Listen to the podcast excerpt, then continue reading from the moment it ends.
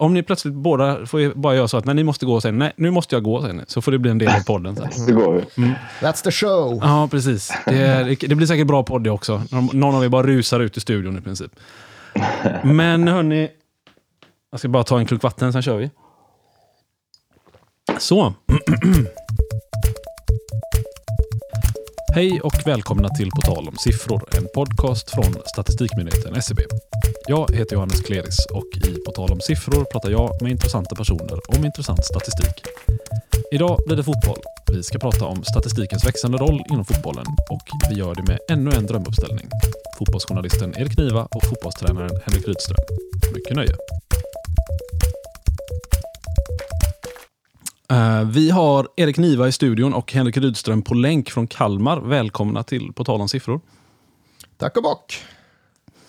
Tack så mycket. Jag tänker mig att uh, alla fotbollsintresserade lyssnare vet såklart vilka ni är, men jag ska ändå presentera er lite, lite närmare för den gruppen som kanske mest är här för att höra på, uh, prata om statistik. Erik, du är journalist på Aftonbladet, du pratar fotboll via Sats tv-sändningar och du är kanske Sveriges mest prisbelönte sportjournalist. Ja, det beror väl, beror väl på vilket statistiskt mått man använder, tänker jag att man kan säga i det här sammanhanget. Det, kanske är det en sån klassiker man slänger in när man inte har hunnit kolla upp vem som har vunnit flest priser. Ja, och så hänvisar man till just eh, statistikens alla möjligheter att förvrida och förvanska någon form av eh, koncis realitet. Och så tycker man att man kommer undan med vad man nu än vill förmedla.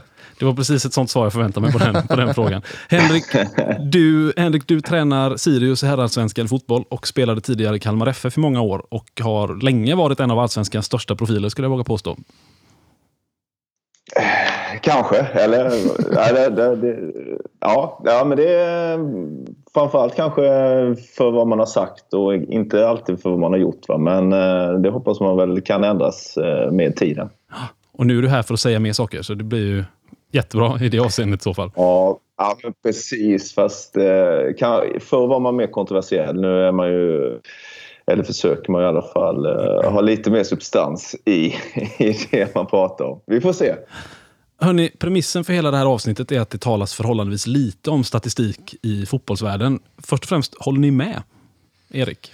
Ja, inte riktigt. Eller, det beror ju såklart på vad man jämför med, men jämför man med fotbollssporten självt så har det ju skett oerhörda saker det senaste årtiondet eller så, inte minst vad gäller just diskussionen runt statistik. Eh, nu är det väl kanske så att statistik är lite av den liksom svåråtkomliga heliga graalen som alla sträcker sig efter och som alla försöker nå fram till, men som rätt få alltjämt verkligen klarar av att använda.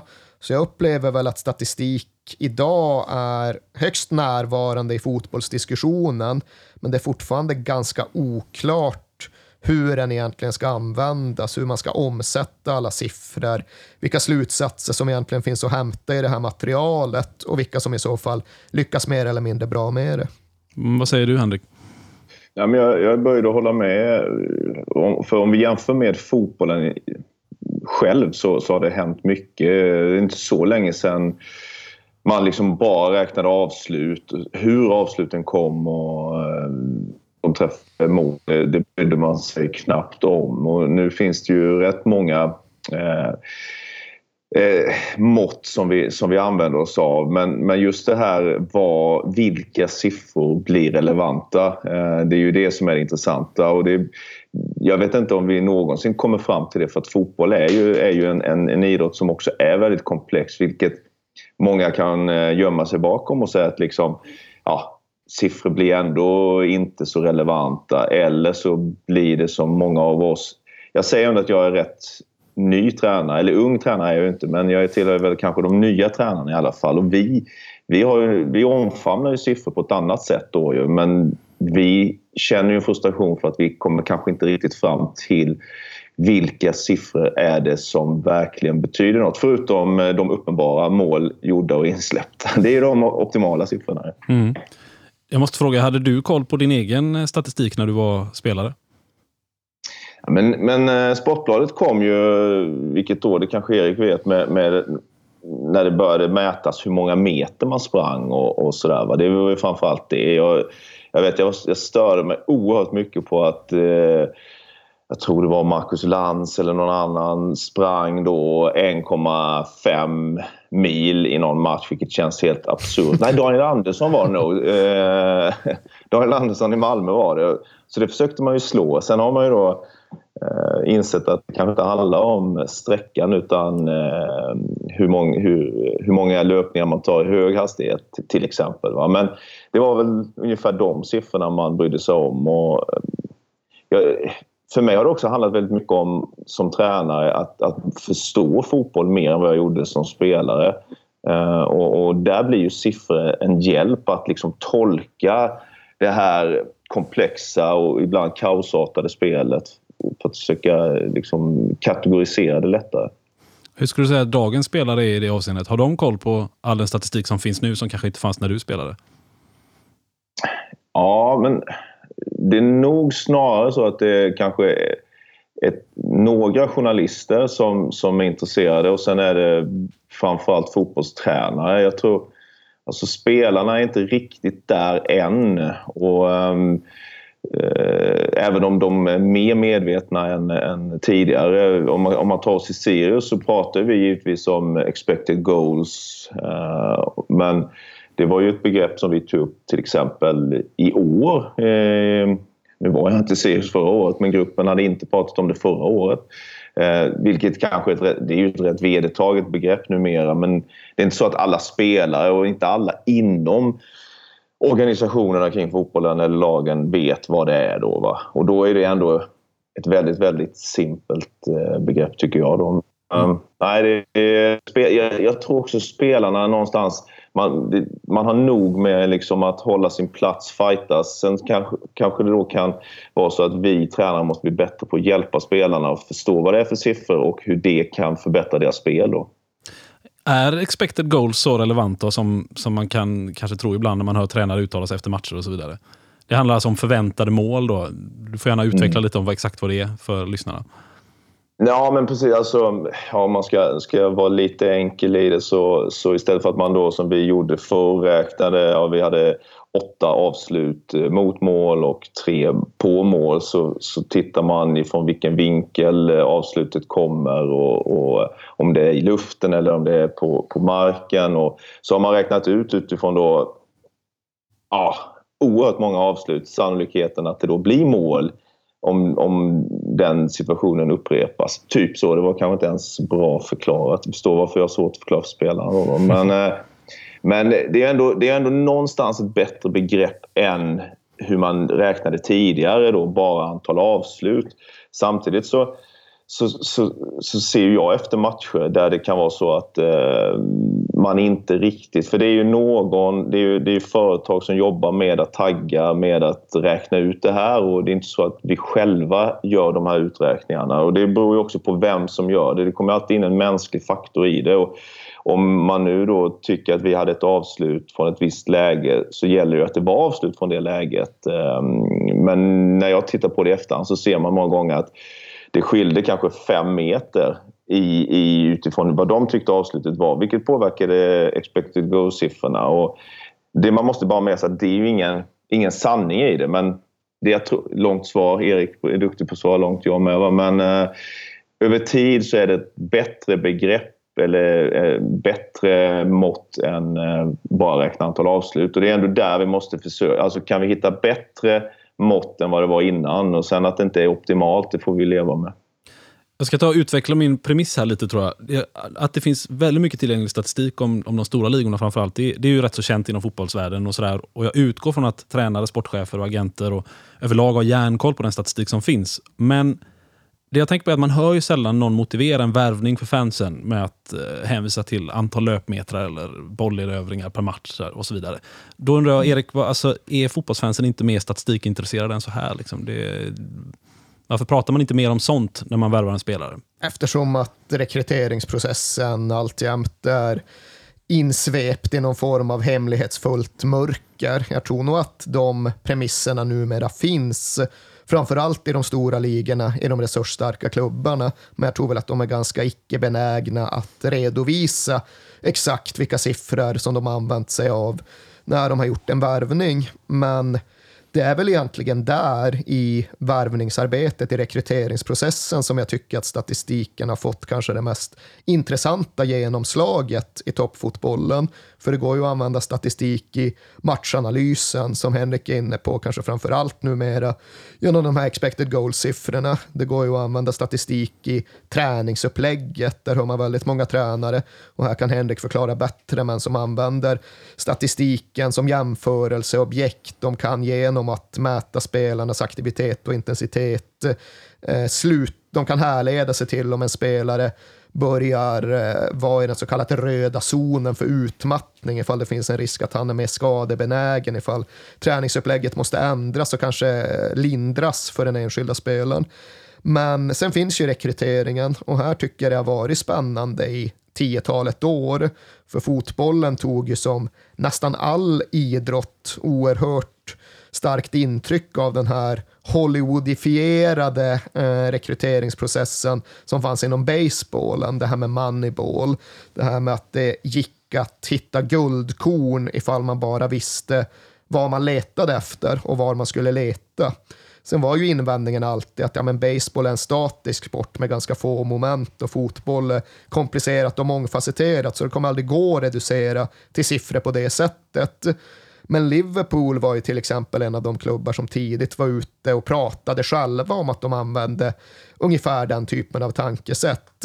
Och då plockade de till allas eh, förvåning och förfäran in Stuart Downing från Middlesbrough, Jordan Henderson från Sunderland för en väldig massa pengar. Och det ska då i hög utsträckning ha gått att förklara med underliggande siffror som aldrig riktigt redovisades. Och det blev väl ett halvdant utfall. Downing gick inget bra alls. Henderson blev jättebra och jättevärdefull över tid. Men just Liverpool har fortsatt ligga i framkant och fortsatt driva det här och deras tekniska, vad är, vad är nu hans officiella titel? Eh, om det är analys, teknisk analyschef eller något i den stilen. Han gjorde en intervju i början av hösten som jag ändå fascinerades mycket av. För där berättade han det att ja visst, vi har en databas med hundratusentals spelare och när vi väl ska göra en värvning så är det klart vi smalnar av, men i all vår utvärdering av den här statistiken, av alla mätningar, av alla siffror, så försöker de utvärdera varje enskild spelares samtliga aktioner utifrån då en genomgående valutakurs som de har mejslat fram. Och den valutakursen innebär rätt och slätt har det egna lagets sannolikhet för att göra mål blivit större eller mindre efter den enskilda spelarens enskilda aktion. Och den aktionen det kan vara en passning, man värderar liksom eh, passningens risk och utfall. Det kan vara en tackling, det kan vara en löpning. Men Liverpool påstår sig i alla fall ha kommit en bra bit på vägen i att vara så avancerade, sofistikerade och precisa att de kan liksom göra ett utslag på en spelare över en match, över en säsong. Hur många aktioner har han gjort? Hur mycket har hans aktioner bidragit till våra möjligheter att göra mål i varje enskild spelsekvens? Och i förlängningen givetvis, hur mycket är en spelare värd? Kan vi hitta en spelare som är värd väldigt mycket mer för oss på planen än den transfersumma vi behöver betala för honom? Det är ju det alla jagar efter där ute och där tycks Liverpool vara en av de klubbar som har nått längst. Filmen Moneyball som du tog upp här, det är ju en film som det knappt går att undvika att prata om när man pratar om lagsport och statistik. Jag ska dra kort vad den handlar om. Eh, och den bygger på verkliga händelser. Baseballet Oakland Athletics, som vars general manager satte ihop ett förhållandevis billigt lag genom att eh, strunta i scouters och andra experters erfarenheter och bedömningar och istället så utgick han från en mängd olika dataparametrar för att värva ihop ett lag som gick jätte, jättebra sen visade sig. Och frågan är väl, skulle det gå att göra det inom fotbollen? Vad tror du Henrik? Eh, ja, men alltså det, det, som Erik pratar om är ju, jag tycker det är oerhört intressant och, och eh, jag har också jag har läst om, om hur Liverpool jobbar och hur de, hur de tänker. I, och, och, om, du, om du skapar liksom en, en det blir som en, en egen bedömningsmall så, så kan du ju få en mer objektiv bedömning. Dels på dina egna spelare men också på, på de spelare du är intresserad av. Ehm, och bara lägga till där, det hade jag oerhört gärna haft om man hade haft resurser. Eh, det kräver ju lite folk, det kräver ju lite eh, ekonomi för det och där är vi inte i Sverige än. Va? Och Men, men vi, vi försöker. Jag, kan, jag ska inte gå in på massa detaljer, men vi tittar... När vi tittar på spelare nu så tittar vi på siffror. Eh, och, och eh, sen får man ju var och en gå till sig själv vilka siffror som blir viktiga. Som Moneyball, jag har ju sett filmen och, och läst mycket om det. Uh, kan ingenting om baseball men det är klart att han hittade ju någonting där som andra då förkastade. Så vill ju vi göra inom fotbollen också. Du, du kan ju, alltså om man bara ska ta någon grej så kan man titta på expected assist och så kan man leta efter en spelare som, som eh, har rätt höga siffror på det men det blir inte så många mål av hans eh, passningar. Vilket kan bero på att han spelar med, med spelare som kanske inte förmår att förvalta de passningarna. Då kan ju det vara en intressant spelare. Eh, men, men det som också man måste ha med sig i fotbollen är ju att det är en, en lagidrott. Det är ju baseball också såklart, men jag, vad jag uppfattar baseball så är det väl lite fler isolerade moment egentligen än vad fotbollen är. Du kommer alltid till dynamiken så att, att fyra spelare har jäkligt bra siffror. Vad blir det när man sätter ihop dem? Eh, men att använda siffror, det, det, jag tror vi aldrig kommer kunna gå tillbaka till det som var för 5-10 år sedan inom fotbollen. Då det var väldigt mycket intuition och, och Eh, man går på mycket confirmation bias. Eh, det, det är ju därför jag försöker använda det för att gå emot vad jag själv... Liksom, min, mina förutfattade meningar eller hur, att jag försöker undvika att bli lurad av min egen hjärna i allt för stor utsträckning. Dels i matchanalysen, eh, eller i, i, under matchen också. Jag vill gärna sitta på läktaren och se matchen. Men också när vi tittar på spelare som vi vill värva. Sen kan vi inte riktigt ha det underlaget som Liverpool, men att, att, att undvika att, att lura sig själv, det är väl en, en bra målsättning i livet, men också som tränare. Vad har ni tillgång till för siffror? Liksom, har ni egna eh, mätningar och eget underlag eller köper ni in grejer? Eller liksom vad, vad har du att mm. jonglera med? Ja, vi, vi använder oss av Y-scouts eh, siffror. Y-scout är ju en, en plattform som växer allt mer som, eh, som egentligen i, i grunden är ett, ett verktyg för att titta motståndarnas matcher och taggar ju Wildscout eh, matcherna och så kan man ju få alla motståndarnas hörnor eh, och offensiva omställningar etc. Men det är också individuell statistik. Eh, så att det, det är det som vi använder oss av. Sen så har, har Playmaker som gör Fotbollslabbet ehm, är ju ett, ett annat eh, det är ju Jocke och Ola på Playmaker som, som jobbar med många klubbar och deras plattformar har, har vi också använt oss av. Och, eh, sen kommer man alltid till det här, liksom, hur tolkar man siffrorna? Och, eh, jag är intresserad av det själv och tycker det är roligt att sitta efter matcher och, och även jag sitter nu, jag har suttit här i ett par timmar nu på förmiddagen för att göra liksom, en egen analys av det och då är det så basic så att jag tittar på varje spelare plus minus, minus statistik. Hur många mål har han varit inne på som vi har gjort framåt? Hur många mål har han varit inne på som vi har gjort bakåt? Och då får man faktiskt, det låter ju löjligt, man får vissa sådana här aha-bild av att den här spelaren var mycket bättre i bemärkelsen att han var inne när vi gjorde mycket mål. Men sen så visar sig att min, min hjärna har lurat mig. Kanske för att jag gillade spelaren, för jag tycker han är trevlig vid sidan av. Va? Så att, Eh, man får några, några bekräftelser och sen får man några saker som också förvånar. Det är någon Sirius-spelare som har haft en jobbig jävla förmiddag utan att veta om det. Det är någon som har blivit avslöjad i Kalmarvillan. Ja, det, det, det, det, kan, kan vara så. Eh, och, ja, nej, men det Eh, jag, ska inte, jag, jag, kan tyvärr inte säga vem. Eh, men, eh, nej, men det, det, det, framförallt blir jag ju själv alltid förvånad. Eller egentligen är det inte så förvånande för vi vet hur duktiga vi är på att inbilla oss saker och hur, hur hjärnan funkar. Det här, det, här, det här får vi lära oss nu på, jag tycker att Svenska Fotbollförbundets pro-utbildning, jag gick till sista steget nu. Det har varit mycket mycket av den varan på utbildningen där vi får, får lära oss eh, om de här sakerna och där de uppmanar oss att bli mer analytiska och objektiva i vår syn. Och det kan tyckas lite tråkigt men det, mm, jag tycker det passar mig rätt bra. Som, jag var en, i och för sig ingen spektakulär spelare men jag gillade att analysera spelet och, och eh, det försöker jag göra nu med. Eh, jag har haft tränare som bara går på intuition och man vill sova på saken och man vill känna in. Och det, det är en viktig del i det också. För jag menar, intuition bygger på erfarenhet och att man har, känner igen mönster och kanske inte alltid kan förklara men, men det finns något där. Men, men intuitionen är inte alltid tillförlitlig. Men finns det ingen risk eh, att man fokuserar för mycket på statistik? Jag tänker att en spelare kan ju ha ja, man kan ju vara fantastisk i förhållande då till eh, expected goals eller förväntade mål, men faktiskt inte mm. göra så många mål. Mm. Och att man då stirrar sig blind på det första, men faktiskt inte har fått ut så många mål av det. Mm.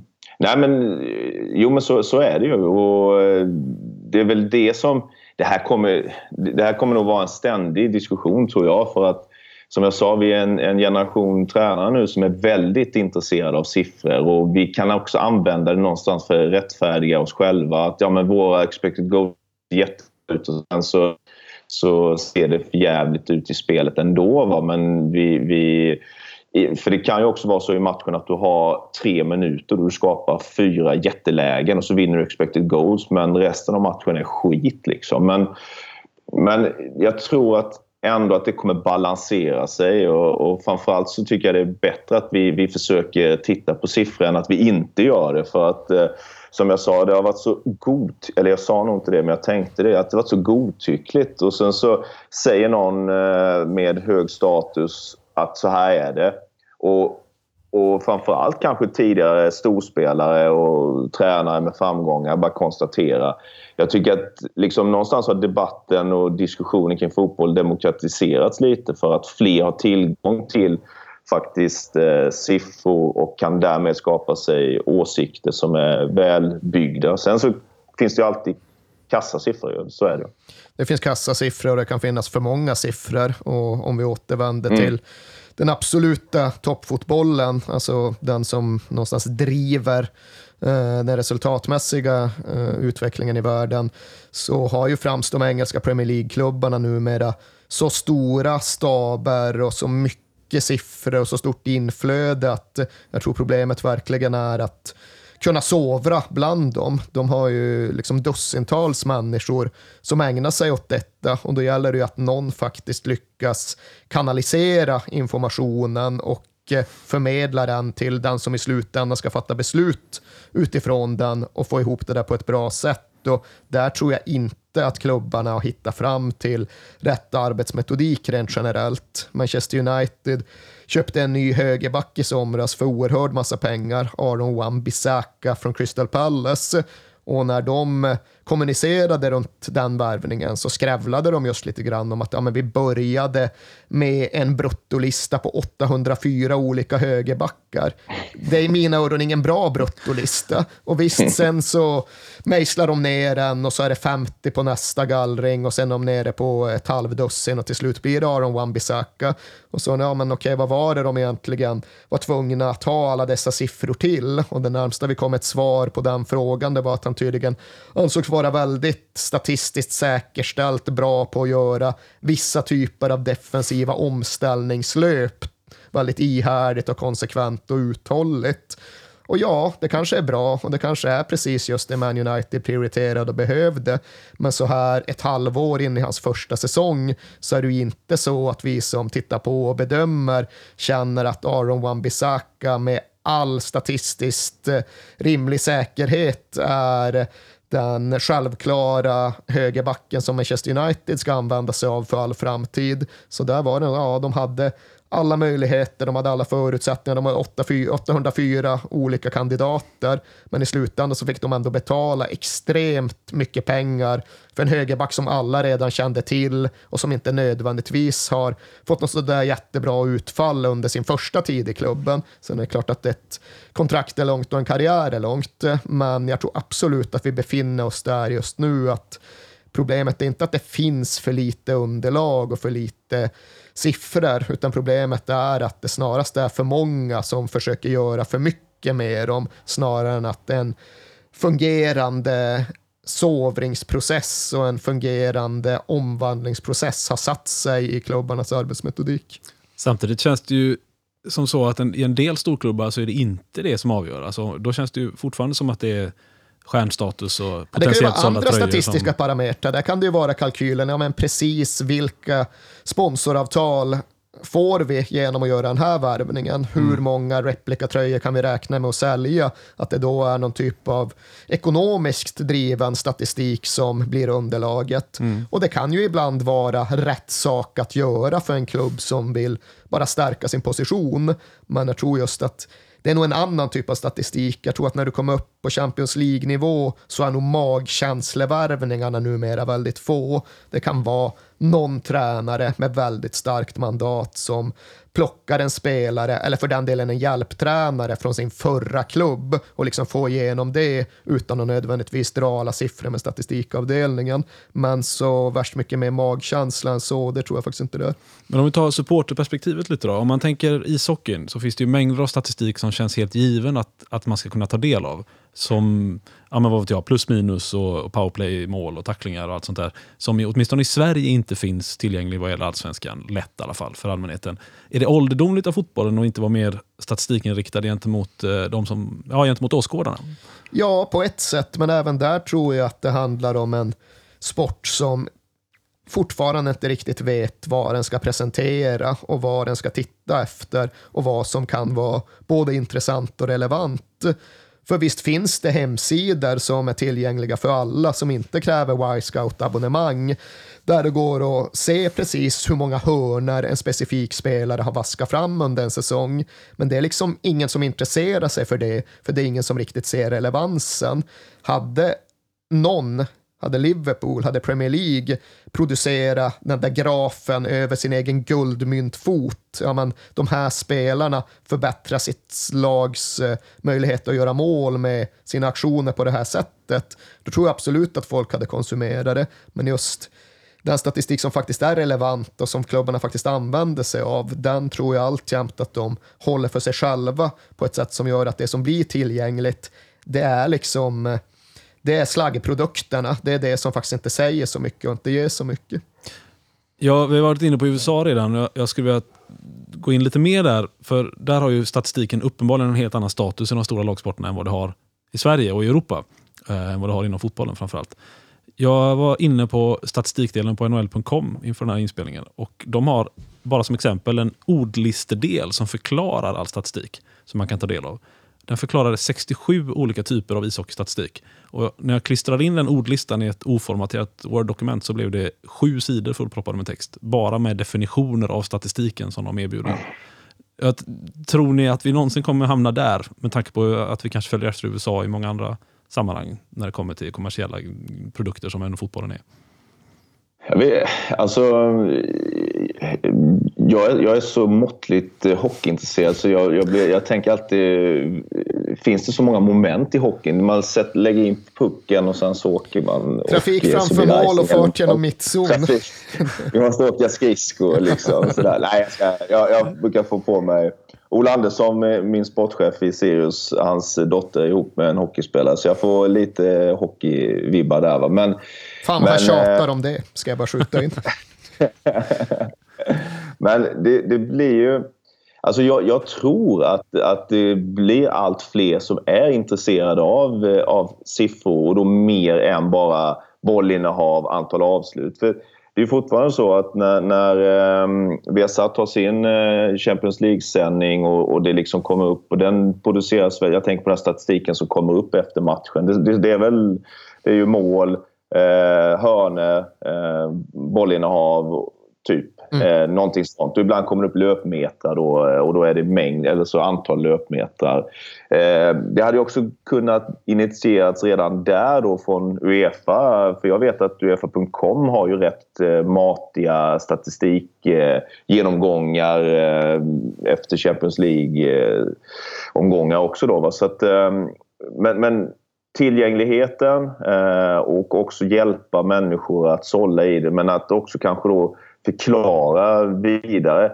Men det finns ju en del och jag tycker Eriksson är ju ett typ exempel på liksom den andra sidan av fotbollen även om jag vet att du är intresserad av siffror. Men det är liksom också det här att förklara fotbollen utifrån ett annat perspektiv, kanske in i samhället och det blir också en, en slags romantisk sida av fotbollen. Och den, den är så stark eh, som ju, jag tror att den över många gånger i det. Men jag hoppas liksom att det kan sammanföras och att fler och fler blir intresserade av, av siffror. Men jag kan bara ta ett exempel från Kalmar som jag tränade i fjol. Vi, vi försökte odla ett lite större bollinnehav och, och att, att skapa lägen på motståndarna genom egna aktioner. Men i, i Kalmar så har det varit en liksom bild av fotboll.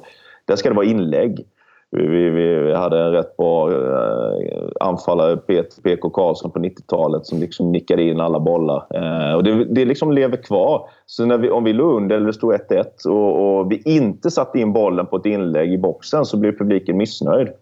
Eh, trots att statistiken för ett sånt mål är rätt liten. Liksom. Det är inte så stor möjlighet. Eh, men det skiter publiken i för de upplever ju att ett inlägg är farligt oavsett siffrorna bakom det och de skiter i de siffrorna. Va? Och då fick man ju till slut bara, okej okay, vi skickar in bollen eller vi kör upp Victor Elm som är stor i sista tio minuterna. Det ger kanske ingen effekt men publiken blir nöjd. Eh, så ibland får man ge dem även om det inte finns någon, någon relevans bakom det. Man ger dem en långboll alltså, det är det du säger? Man kan... Eh, ja, men sätt igen som tränare i Albertis, Han, han spelar ju bara nerifrån och, och publiken ville målvakten skulle sätta upp den, framförallt om man låg under. Va? Men, men, men han, han var ju styvnackad och gjorde ju inte det. Va? En annan kanske ibland måste... Ja, eller om vi nu tänker tacklingar. Eh, det kanske inte är så effektivt många gånger att tacklas. Men publiken går igång på en tackling. Eller om du nu till exempel Ja, men ta AIK. Om de spelar hemma och de börjar tacklas framför några stå. Det är klart att publiken kommer igång. Eh, slår du ut det i tusen matcher så är kanske det laget som vinner tacklingar inte det laget som vinner matcherna. Då, men, men för just AIK, för sin publik, så kanske det blir en sån effekt.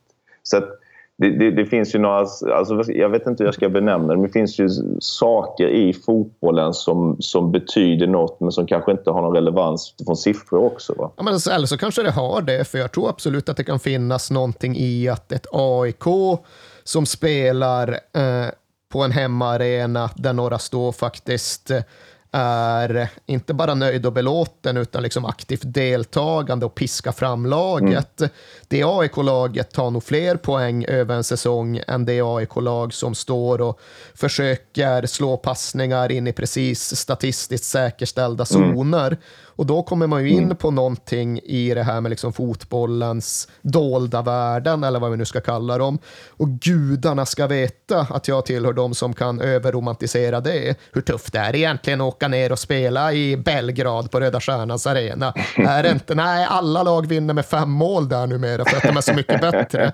Men jag tror ändå absolut att det kan göra skillnad krast resultatmässigt för den delen statistiskt eh, ifall ett lag över tid har sin hemmapublik med sig. Jag tror det är jättemycket mm. tuffare för Kalmar FF att gå igenom en hel säsong om det bara gnälls på att det inte slås några inlägg på Viktor Elm än om publiken faktiskt sluter upp och stöttar laget. Och mm. för att bevisa det så skulle man behöva några helt andra statistiska parametrar än de som i alla fall jag vet används idag. Och det tror jag just kan också bidra till hela den här övergripande mystifieringen av fotbollen som jag ändå tror finns kvar, som går att liksom härleda väldigt långt tillbaka i tiden och liksom går att anklaga för att vara konservativ på väldigt många sätt, men som i någon mån också särskiljer fotbollen från de amerikanskt baserade sporterna.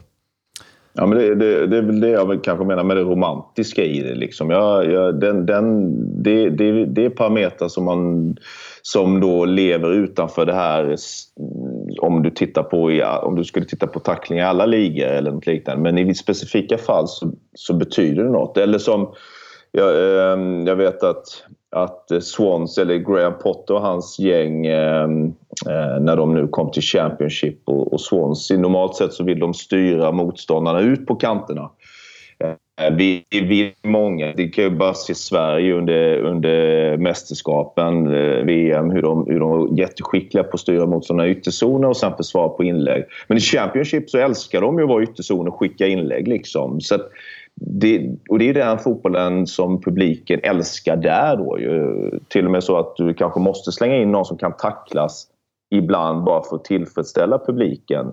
För att det är vad som förväntas i Championship. Sen är det en annan fotboll då i Premier League. Va? Men eh, det gäller ju också utifrån det, nu kommer vi kanske ifrån själva statistikbiten, men det gäller ju som tränare och spelare också att förstå miljön man är i och, och använda det som du kan. Sen kanske du får, får ibland du kan använda siffror i någon bemärkelse. Du kanske kan använda det inåt i din egen utvärdering men du kanske inte heller alltid kan prata utåt om det för att det, det, det faller inte alltid i god jord. Jag har själv inte gjort den kollen, det borde jag gjort innan jag satte mig i den här fåtöljen, men det vore ju intressant att titta på hur amerikanerna själva använder statistik just i våran fotbollssport. Hur ser det ut i MLS? Min känsla, och det är just bara en killgissa-känsla här och nu, men det är att det är inte så där oerhört penetrerat av statistik vad gäller den ja, men fotbollen som spelas i USA heller. I någon mån har de också resignerat inför det som vi kanske inte ska beskriva som ett faktum, men som, ändå, eh, som jag ändå tycker att man kan underbygga, att det är svårare att kvantifiera fotbollen än någon annan av de idrotter som de eh, sätter sånt statistiskt fokus på. Jag, jag bryter in här. Jag har en känsla av att, eller jag vet att ni ska kunna prata om det här hur länge som helst. Men jag känner ett visst ansvar för att få iväg er härifrån också så småningom. Jag, där, men, i, men, innan ni ska få gå så tänkte jag överraska er lite med ett eh, skräddarsytt quiz som jag har förberett utan att berätta någonting för er. Och hoppas det inte är någon så här svara först, eh, svara Nej. först situation. Nej, det är ingen svara först situation. Ni får, ni får riktade frågor. De är skräddarsydda som sagt. Det är, ni får tre snabba frågor var så ska vi se vem som, vem som går segrande ur det här. Eh, så att det finns ju en viss... ehm, Ja, som sagt, frågorna är ju inte samma, så att, eh, det kanske är orättvist. Men, det finns eh, en Ja, jag- statistisk jag- slagsida Ja. i det här Det gör svarsmaterialet. det. Ja, är ni med? Är ni redo? absolut. Erik, vi Ja. börjar med dig. Vilken eh, Tottenham-spelare har slagit flest passningar i Premier League hittills den här säsongen? Eh, det är ju deppigt nog någon av mittbackarna som bara stått och slagit helt poänglösa passningar. Tobi Aldevereld. Helt korrekt, en poäng. 838 passningar. Ja, det, det är ingen bra statistisk eh, notering att utgå Han, ifrån. han, ligger faktiskt, han har 113 fler än tvåan som är då...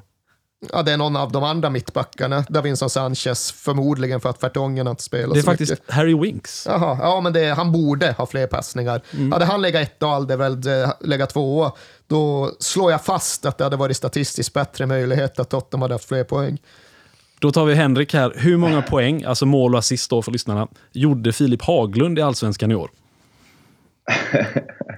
Eh, det satt jag och kollade precis på. eh, Eller jag vet ju många, många poäng till laget han har varit med på. Men eh, eh, han gjorde åtta mål va? Men nej fan, det är jag dålig på. Assist gjorde han... Mm, mm, mm, eh, nej, jag får gå bet på den. Enligt Svenska Fotbollförbundet gjorde han 13 poäng, 7 mål och 6 assist. Ja, men det stämmer nog. Jag tänkte att det var... Ja, Mm. det stämmer nog. Och sen var han inne på många baklängesmål också, så Rydström har synat de där siffrorna Han, under, eh, under förmiddagen. Plus minus var han inte lika bra. Jo, han var, han var, han var en, en... Utifrån våra mått mätt så var han en, en bra poängspelare. Då tar vi fråga nummer två. Erik, vilken Tottenham-spelare har utfört flest tacklingar i Premier League hittills den här säsongen? Ja, man önskar att det vore någon av de offensiva pressspelarna som visade då på att vi fick ut någonting när vi försökte eh, vara lite proaktiva, men det är det ju säkert inte, utan det är någon desperat försvarare som har behövt göra räddningsaktioner. Serge Aurier har gjort flest, och med usel genomförandeprocent också. He- Helt korrekt. Ja, det är så jävligt. 20, 20, 20 stycken. Ja, röda kort och bortgivna straffar och skit.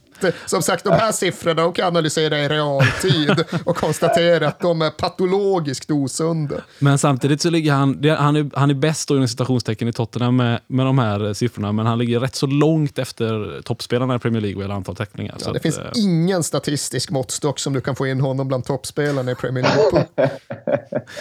Du eh, Henrik, då tar jag andra frågan till dig här. Jag tycker Vilken, bara det är intressant hur... Det, det, det är precis så här man också kan använda alltså, siffror. Eh, just för att... Eh, det, alltså, s- bara för man är topp i någonting så betyder det inte att det är bra saker. Till exempel antal passningar. Ja, men när går det mellan mittbackarna så är det antagligen inte de mest optimala passningarna. Så att eh, Erik har...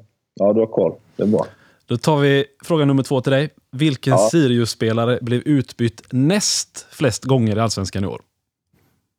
Tänkte att flest Äh. kanske hade varit lätta, för lätt. Eh, flest gånger. ehm, Ja, näst flest är Ja. frågan då. näst flest. Ja, eh, eh, eh, vi har ju bytt ut Sam Lundholm en hel del gånger. Mm, Jag skulle säga Sam Lundholm. Han var etta. Men han var ju... Han var etta. Ja, men inte näst flest. Utan det var... Jonas. Ja, Jonas Lindberg. Ja, ja. Kan, vet du hur många gånger? Ehm, nej, det vet jag inte. Elva. Men kan, vad sa du? Elva.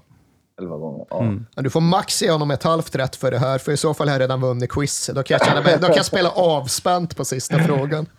Vi, jag känner nästan att... Nej, jag, jag suger lite på den, men eh, absolut, du leder. T- fråga nummer tre. Erik, vilken Tottenham-spelare har träffat målramen flest gånger i Premier League hittills den här säsongen? Alltså Kane har ju kommit till mycket färre avslut än han vanligtvis gör. Han är ju självklar etta under egentligen alla de fem föregående säsongerna. Nu är det frågan om det kan vara någon annan. Eh, det är ju i så fall Heung-Min Son, eh, för Ali har inte så många avslut och ingen av de andra. Ja, men jag säger ändå Harry Kane, eh, med viss reservation för att det kanske kan vara koreanskt anstruken etta på listan. Du borde ha gått på din reservation, för han har nämligen träffat ramverket tre, eller målramen tre gånger den här säsongen. Jaha, alltså virket? Virket, ja. Jaha, jag trodde det var den som hade flest avslut Ja, på mål. Nej, då, då föll det där. Men det, nej, utan det är vem har träffat målramen. De har eh, alltså... Ja, precis. Inte vem som har träffat mål. Ja, Ja, det är ju lätt att säga nu, men då hade, då hade jag ju för inte haft någon analys och egentligen någon under, men jag tror jag hade gissat på Hengminsson, Mm. men det hade, inte, det hade inte varit en statistik med något egentligt värde, för det hade bara varit en chansning i så fall. Men ja, jag, vi- jag väntar med att sätta poäng på den då, efter vad, beroende på vad Henrik svarar här. Du, Ja, jag, måste, jag måste ha rätt på den här nu. Mm. Ja, men den- Ja. Vilken Sirius-spelare blev, in, nej, för, jo, blev inbytt näst flest gånger i Allsvenskan i år? Näst flest Ja. gånger. Uh, får jag kolla mina papper. Um, Ola Anderssons nigerian. Hur går det för han Henry nu för tiden? Får han komma in någonting? Mm, ja, eh, det finns potential men eh, han, blev inte, han blev bara inbytt. nej, han blev inte inbytt så många gånger. Jag skulle säga att... eh, ehm,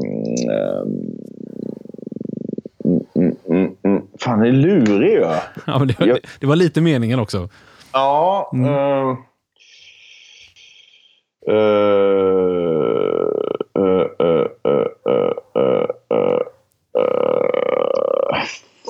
jag, jag börjar snegla i mina papper här. Liksom. Det här liksom. kan ju inte tillåtas. jag ser ju inte vad det är han tittar på. ja, men man märker att det, det är timglaset har inte mycket sand kvar i sig nu. Jag ska ju hämta på förskolan här också. Så att, mm. Ehm, Jonas blev ju utbytt mycket, som vi sa. Men eh, han blev ju inbytt också en hel del. Men eh, Stefano Vecchia, nej, han var inte med så många matcher på grund av skador. Eh, eh Den, jag, jag vet ju vem som har haft bäst poängsnitt i, i, i matchen han har blivit inbytt och det är Mohamed Said. Men han har inte blivit inbytt så många gånger. Eh, jag får gå på Jonas då. Nej, Axel Björnström, åtta gånger. Mm. Ja, Enligt Svenska fotbollförbundet hela tiden källan här då, får jag säga. ja, jag, Mm. jag satt ju i sig här även med Svenska cupen sådär men uh, hade in det. Men ja, mm, okej. ja, men jag ger mig på den då. Men Mm. eh, du nämnde även Stefano Holmqvist Vecchia där och han var faktiskt etta. Han blev inbytt nio gånger. Så att, eh, Mm. han blev ändå Ja, inbytt många gånger. Precis. Mm. Mm, nej, han eh, har inte startat någon eh, på grund av eh, knäproblem. Eh, så att eh, han har bara, bara blivit inbytt.